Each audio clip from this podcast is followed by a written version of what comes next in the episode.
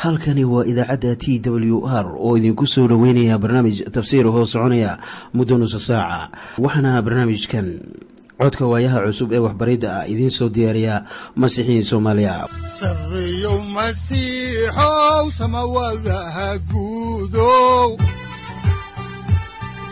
Siraadkii adduunkow subanaha eebow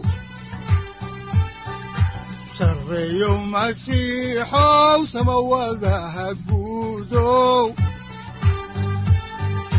siraadkii adduunkow subanaha eebow adigoo samaada jiro ifkan soo saldhiganba adigoo saamaada jiro ifkan soo saldhiganba kutubtiisanaaye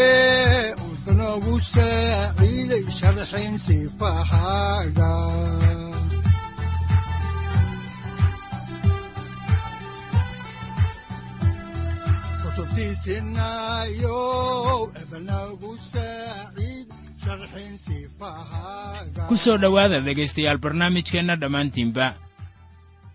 Waxaanan halkii idinka sii wadi doonnaa cutubka sagaal iyo tobanaad mawduucyada uu ka kooban yahay cutubkan sagaal iyo tobanaad waxa ay kala yihiin israa'iil oo imaanaysa sinai.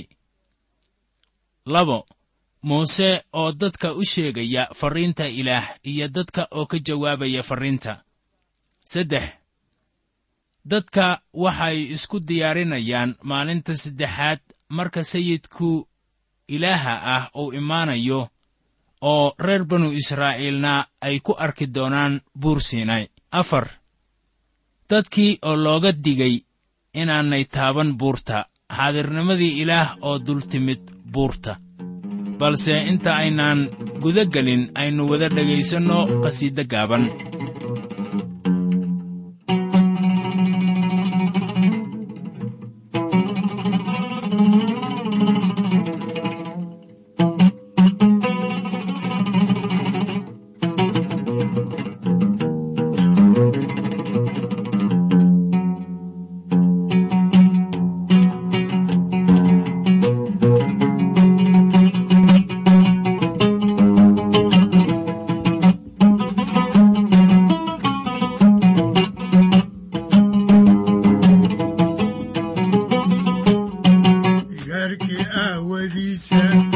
dhulkan loo abuuro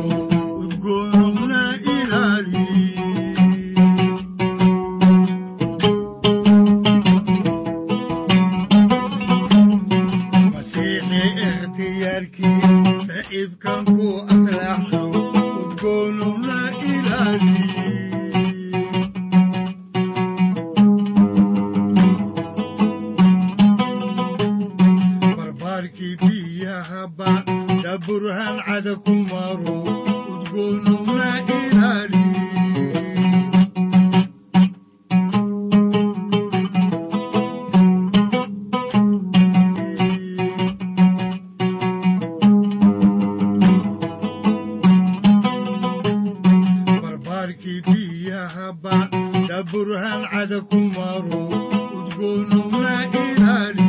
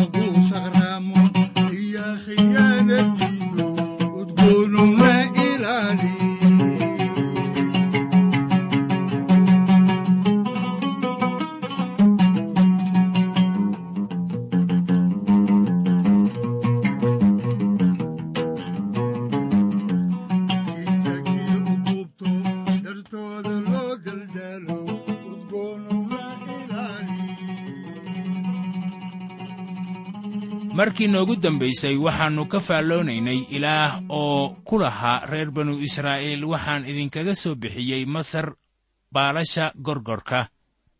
Ilaa aad timaadaan buur siinay waxaan kaloo idin dulmarnay sidii ilaah uu kaga soo tillaabiyey reer banu israa'iil badda cas oo loo xanaaneeyey markii ay ka yimaadeen masar oo ay ku soo socdeen buur siinay israa'iil waxaa la soo gudboonaaday toddoba marxaladood ee ilaah baahidooda uu ku daboolay. Ilaah wuxuu israa'iil siiyey maanna markii ay gaajoodeen oo wuxuu kaloo siiyey biyo markii ay harraadeen. Ilaah waxaa kaloo u maceeyey biyihii maaraah. Ilaah waxaa kale ee uu ka samata bixiyey reer banu israa'iil kuwii jidka u istaagay ee ahaa reer camaaleekh markaana ilaa iyo haatan ilaah iyaga wuxuu ku soo qaaday baalasha gorgorka. Taasina waa habka uu inoola macaamiloodo innaga maanta. Wuxuu inagu hoggaamiyaa nimcadiisa oo waxaan ku soconnaa rumaysad. Markaan ay joogaan buur siinaay ayaa ilaah uu xusuusiyey reer banu israa'iil sidii uu u hoggaamiyey oo uu uga taxadiray wuxuuna dabeeto ku yidhi laba hal mid doorta. Nimcada amase sharciga. Ilaah wuxuu weyddiiyey iyaga haddii ay dhowrayaan sharciga. Marka uu sharciga siiyo israa'iil waxay nimcadii ku beddelanayaan sharciga. Dad tiro badan ayaa sidaas yeela maanta. Taasu waa umuur nasiib darre ah waayo waxaan nool nahay maalin. Marka ilaah dadka uu ku badbaadinayo nimco ilaah dadka kuma badbaadiyo sharci. War maxay iska soo hor jeedaan nimcada iyo sharciga? Markaan eegno sida hoos ku qoran sharcigu wuxuu deldelaa nimcaduna wax bay bixisaa. Sharcigu wuxuu yidhaahdaa samee. Nimcaduna waxay leedahay rumee. Sharcigu waxba ma dhimo nimcaduna waa siismo sharcigu wuxuu dalbanayaa camal nimcaduna wax bay nasisaa.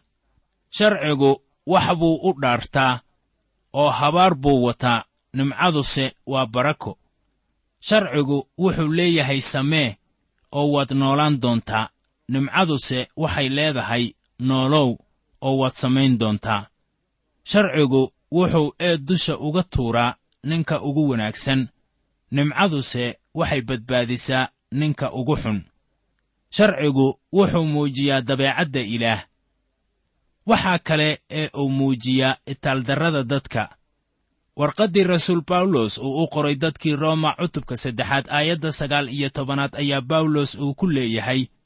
Waannu ognahay in wax alla wixii sharcigu u yidhaahdo uu ku leeyahay kuway sharciga ku hoos jira. In af kasta la xidho oo dunida oo dhan ay ilaah ku horgardarnaato. Ilaah uma uusan keenin sharciga iyadoo ka dhigan inuu yahay badbaado. Ma jiro nin lagu badbaadiyey inuu sharciga dhowray awgeed. Ma jiro qof sidaas loo sameeyey. Muuse nin buu dilay. Markuu masar ka soo cararayey oo welibana mar buu carooday oo ilaah addeeci waayey. Maxaa haddaba sharciga loo bixiyey waxaa taasu ay leedahay asbaab cayiman taasoo lagu sheegay galaatiya cutubka saddexaad aayadda sagaal iyo tobanaad oo leh haddaba sharcigu waa maxay? Waxaa loogu daray xadgudubyo aawadood ilaa farcankii loo ballanqaaday yimaado. Sharciga waxaa loo keenay inuu inoo muujiyo inaannu nahay dembiilayaal waxaa kaloo loo muujiyey si aan joogto ahayn inta farcankii loo ballanqaaday uu ka imaanayo. Farcanka looga hadlayo aayaddan waa sayid ciise masiix.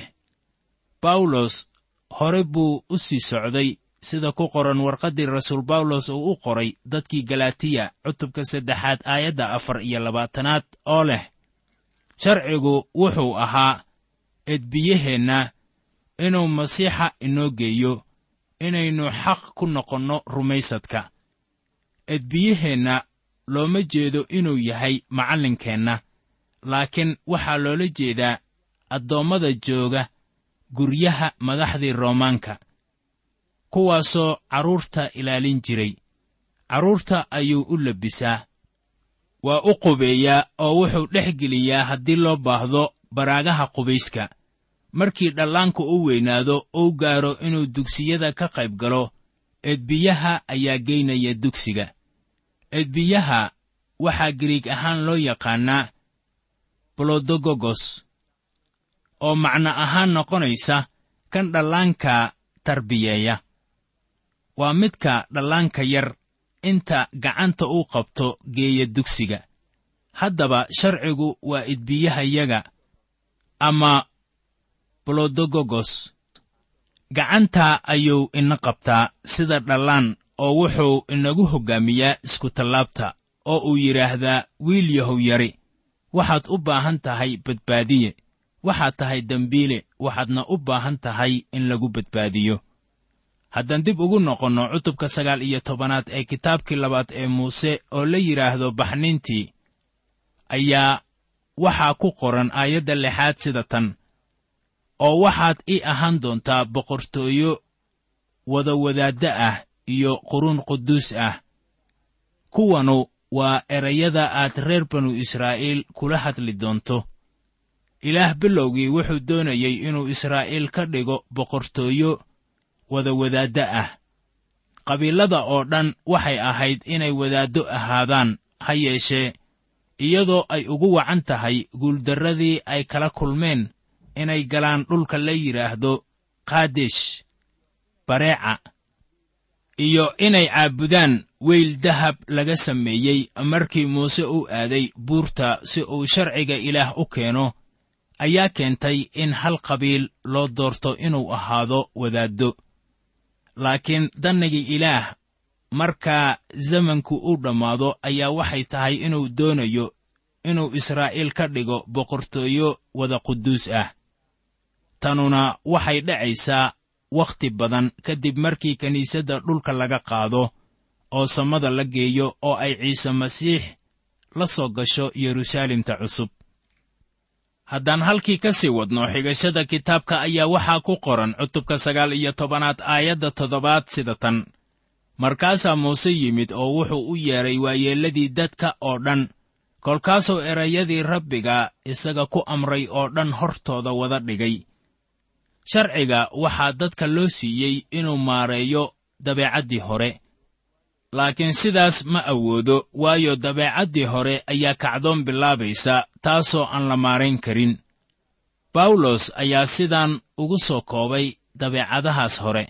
Warqaddii reer rooma uu u qoray cutubka siddeedaad aayadaha lix ilaa toddobo oo uu ku yidhi jidhka ka fikirradiisu waa dhimashada. Laakiinse ruuxa ka fikirradiisu waa nolosha iyo nabadda. Maxaa yeelay jidhka ka fikiriddiisu waa lacol ilaah waayo ma hoos gasho sharciga ilaah mana hoosgeli karto. Aniga iyo adiga waxaan leennahay dabeecadihii hore intaanan masiixiyoobin taasuna waxay cod la tahay ilaah. Ma noqonayso mid ilaah daacad u ah oo mana raallingarayn karto ilaah miyaad noloshaada ka garatay xaalkaas? Bal dadkan dhegayso war maxay kalsooni wacan haystaan? Haddaan halkii ka sii wadno kitaabka ayaa waxaa ku qoran.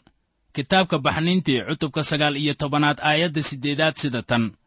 Markaasaa dadkii oo dhammu waxay ku wada jawaabeen oo yidhaahdeen kulli waxa rabbigu uu ku hadlay oo dhan waannu wada yeeli doonnaa. Markaasaa muuse rabbiga uu uga warramay erayadii dadka bixinta sharcigan lagu siiyey reer banu israa'iil buur siinaay ayaa ahaa bilowga siismadii sharciga.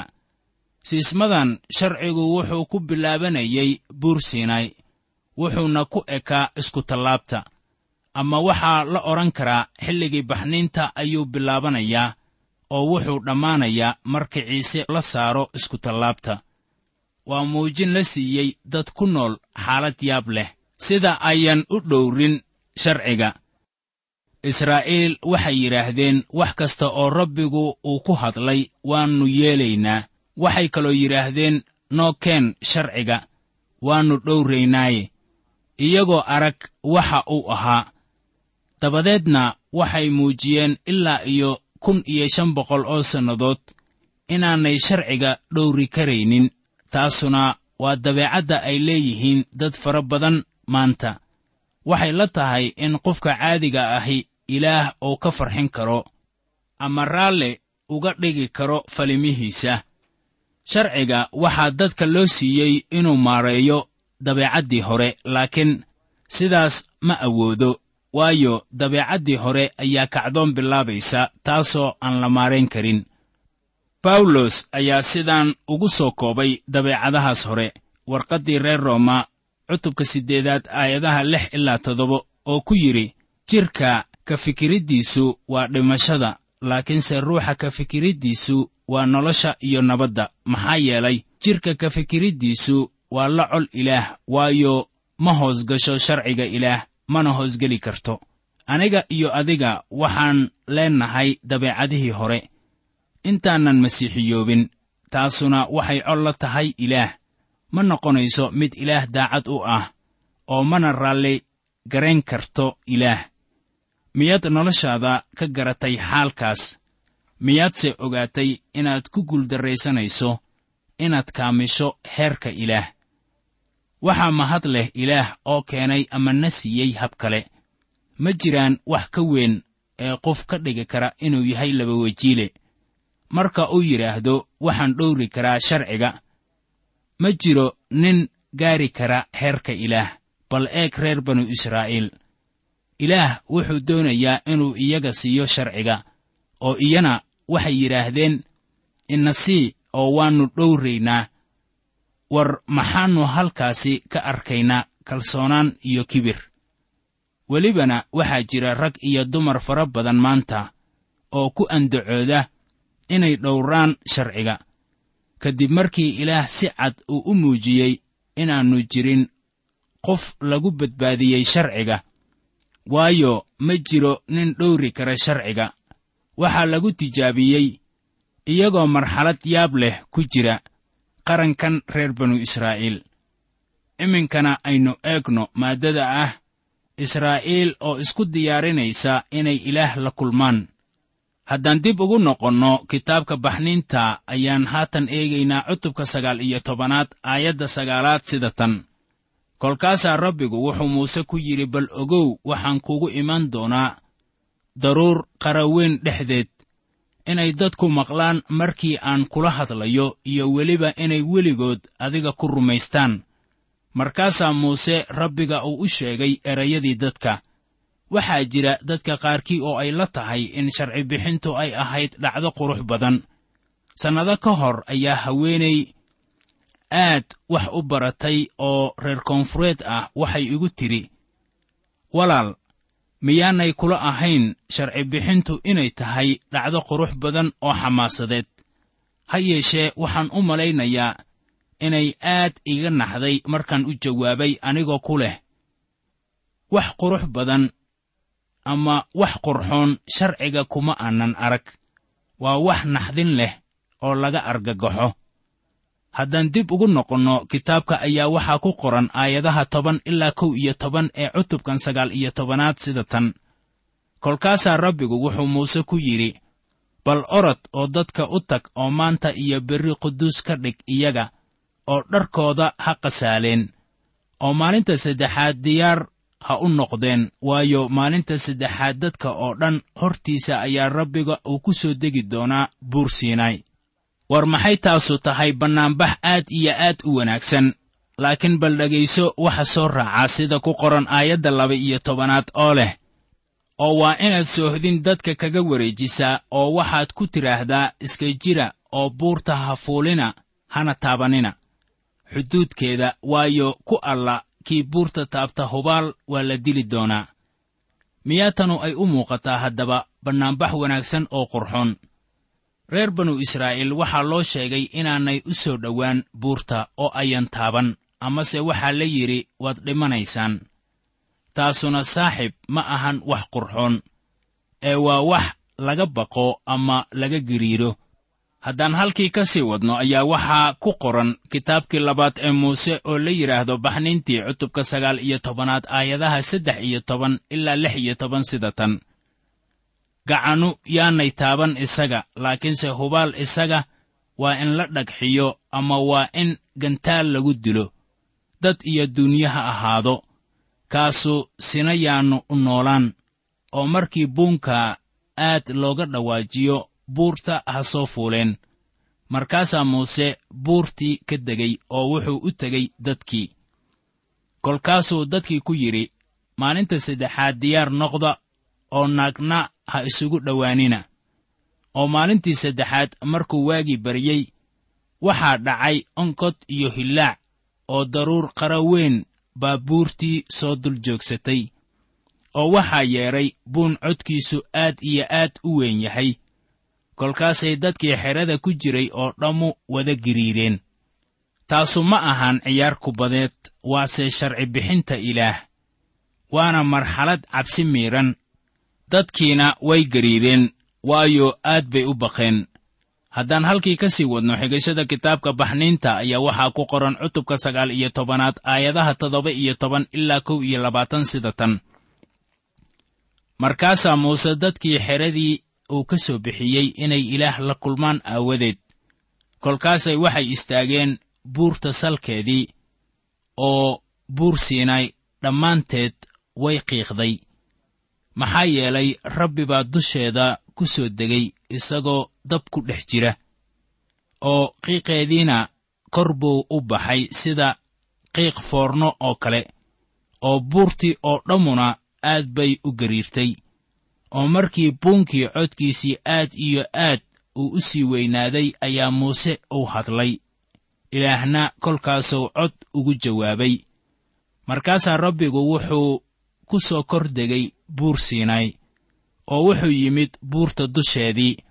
Kolkaasaa rabbigu wuxuu muuse ugu yeedhay buurta dusheedii oo muusena kor buu u baxay. Markaasaa rabbiga wuxuu muuse ku yidhi hoos u deg oo dadka u dig. Waaba intaasoo ay rabbiga xaggiisa u soo xadgudbaan inay fiirsadaan oo ay qaarkood badanu halligmaane qaar ka mid ah reer banu israa'iil ayay la noqotay inay fiirinayaan shay xiisad leh laakiin waxba way arki kari waayeen balse waxay maqli karayeen cod. Welina waa run ilaa iyo maanta inaan ilaah la arki karaynin. Waxaa ku qoran injiilka sida yooxanaa uu u qoray cutubka koowaad aayadda siddeed iyo tobanaad sida tan. Ninna ma arkin ilaah. Marnaba wiilka keliya oo laabta aabbaha ku jira kaasaa inoo sheegay. Haddaan horay u sii ambaqaadno kitaabka ayaa waxaa ku qoran kitaabka baxniinta cutubka sagaal iyo tobanaad aayadaha laba iyo labaatan ilaa shan iyo labaatan sida tan.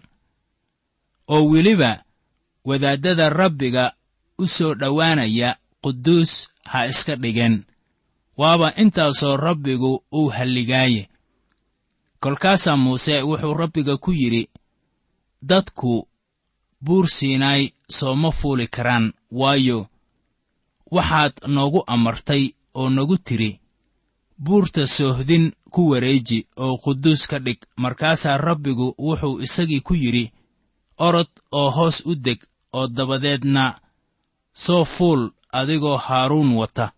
Laakiinse wadaaddada iyo dadku yaanay kor u soo xadgudbin xagga rabbiga. Waaba intaasoo uu halligaaye. Haddaba muuse hoos buu u degay oo dadkii u tegey una sheegay.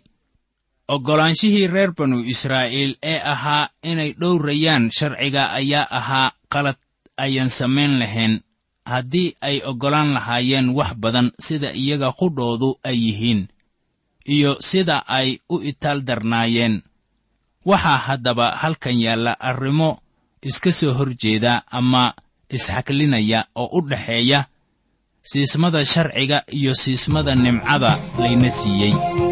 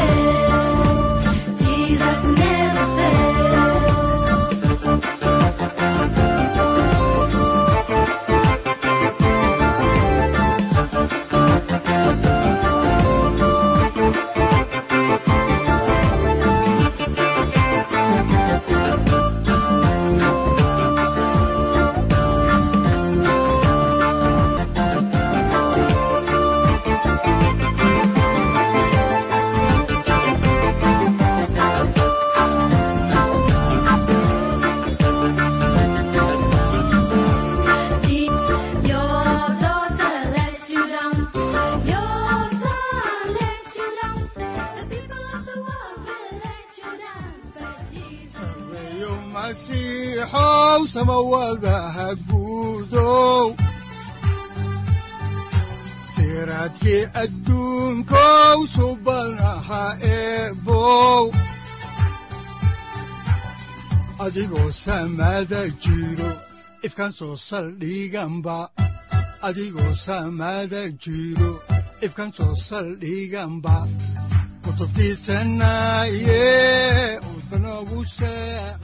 halkani waa t w r idaacadda t w r oo idinku leh ilaa ha idin barakeeyo oo ha idinku anfaco wixii aad caawi ka maqasheen barnaamijka. Waxaa barnaamijkan oo kalea aad ka maqli doontaan habeen dambe hadahan oo kale haddiise aad doonaysaan in aad fikirkiina ka dhiibataan wixii aad caawi maqasheen ayaad nagala soo xiriiri kartaan som t w r at t w r c o k e haddii aad doonaysaan in aad dejiisataan oo kaydsataan barnaamijka ama aad mar kale dhegaysataan fadlan mar kale booqo www t w r o r g amase waxaad teleefoonkaaga ku kaydsataa ama ku download garaysataa agabyada ku sahli karaa dhegeysiga t w r haddii aad doonayso in laga kaalmeeyo dhinacyada fahamka kitaabka amase aad u baahan tahay duco fadlan fariimahaaga soo mari bogga aaraahda ama kommentska inana jawaab deg deg ah ayaanu ku soo diri doonaa amase ku siin doonaaye